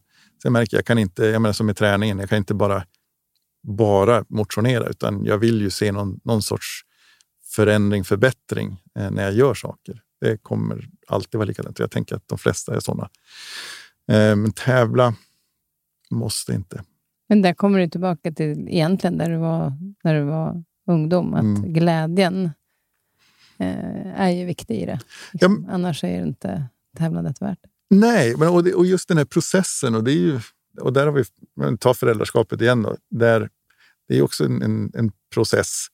Men där är eh, insatserna är så höga. Man känner, alltså där är verkligen, jag sätter press på mig själv. Det är, liksom, det, är det viktigaste. Eh, men jag ska ta med mig dina ord istället. Att vi gör vårt bästa. Vi gör, exakt. Vi gör vårt bästa. Vad är du annars nyfiken på? Åh, nej men jag, jag tycker, alltså drivkrafter tycker jag är kul. Det är ju det är mitt jobb att få träffa människor som har Ja, men de, de har ju ett tydligt mål, men sen är ju det en sak att vilja bli bäst på det man gör kanske. Men vad är, det som, är det bara det som driver att, att få stå på, högst upp på pallen på ett OS? Är det, gör det, är det tillräckligt för att kliva upp på morgonen och dra sig ut på gymmet eller spåret? Eller vad, vad är det? Och det kan jag tycka, det är så, för de flesta säger ju att ja, det är så kul med, alltså det ska vara kul att göra. Men när man sen börjar grotta i vad, vad de tycker gör det kul så är det ju, det ser så olika ut. Det är jag nyfiken på att se. Liksom, var, var hittar folk det där? Och speciellt kanske, det är en sak när det går bra, då är det, ju, då är det ingen som ens funderar på det. Men när det, när det då går emot, vad, vad gör de då? Hur hittar de energi? Just det, för Anna Tibelius Bodin då, som eh, blir avsnittet innan det här. Mm. Eh, och hon pratar ju om, fjärde gången hon var här och pratade om hjärnan. Hon pratar både om hjärnan och stress, eh, hjärnan och tankar, hjärnan och inlärning och den här gången hjärnan och ledarskap. Och där det hela tiden kommer tillbaka till att enda liksom, hjärnan någonstans vill, det är ju att överleva. Om man tänker då på den här drivkraften vi har, alltså hjärnan säger till oss att vi ska överleva, oavsett om det är ett litet orosmoment som vi gör stort för att vi måste överleva, eh, oro över barnen för att man har sagt fel sak, så kan det bli jättestort för att vi måste överleva. Det är nervsystemet som registrerar det. Till att, att varför vill man vara först? Jo, för att man springer för, kanske från ett djur, inte vet jag, men springer från ett djur. Och kommer jag först därifrån så blir inte jag uppäten. Nej, exakt, det alltså, det är så otroligt coolt hur hjärnan och hur det som kommer långt tillbaka Mm. i vår historik också styr. Inte bara vad vi vill och vad vi tänker, utan det här omedvetna. Det är ju sjukt Nej, spännande. det är så otroligt spännande. Mm. Ja, verkligen. Nej, Du, innan, innan eh, vi ska avsluta med den här låten och du ska få äntligen äta de här chokladbollarna. så, ja, exakt. Så tänkte jag bara säga det att du eh, vill föreläsa fortfarande och gör det en del. gör det en del. Eh, kom från Kiruna igår.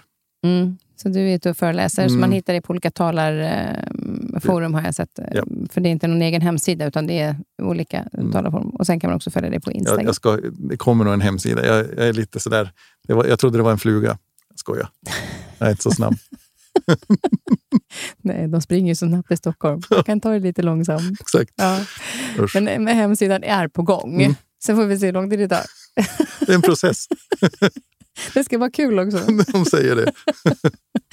Vilken låt vill du avsluta med?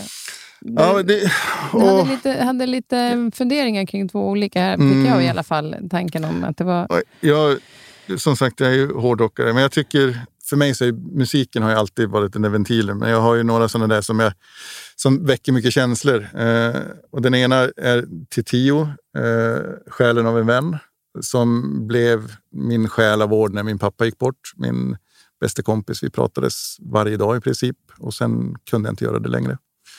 Eh, och den låten, även om det är delar i den som jag inte känner igen mig i, men den, den blev på något vis en, en sån eh, själavårdare. Eh, och likadant när min mamma gick bort för ett, för ett år sedan. Så vi hade några andra låtar på hennes begravning, men sen eh, var det en låt som jag Alter Bridge in Loving Memory som jag alltid tyckte var varit bra, men jag har liksom aldrig reflekterat över texten så. Förrän jag började lyssna på den och sen tog reda på mer så var det då gitarristen Mark Tremonti som skrev den här låten till sin mamma som hade gått bort. Och då liksom blev det min mammas låt. Mm, Så den, den gillar jag jättemycket, så det får gärna bli den. då tar vi den. In loving memory. Tack snälla Thomas för att du kom hit. Och nu ska vi gotta oss i de här chokladbollarna. Och jag har lite blåbär och hallon också om du vill. du får ta chokladbollarna. Tack, ja. tack, tack. Det går bra. Tack snälla. Tack.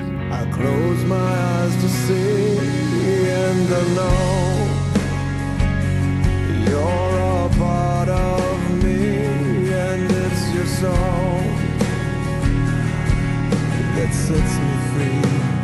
I nästa vecka träffar jag psykologen och psykoterapeuten David Vaskori som är tillbaka.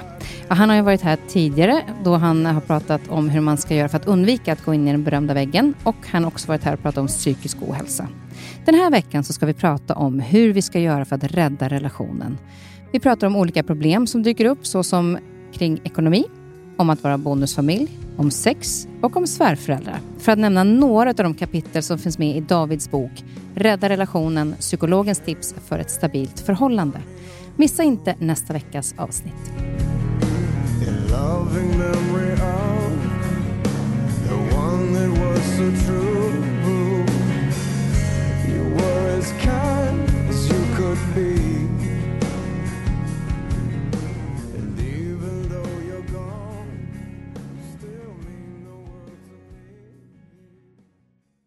Den här podcasten är producerad av Perfect Day Media.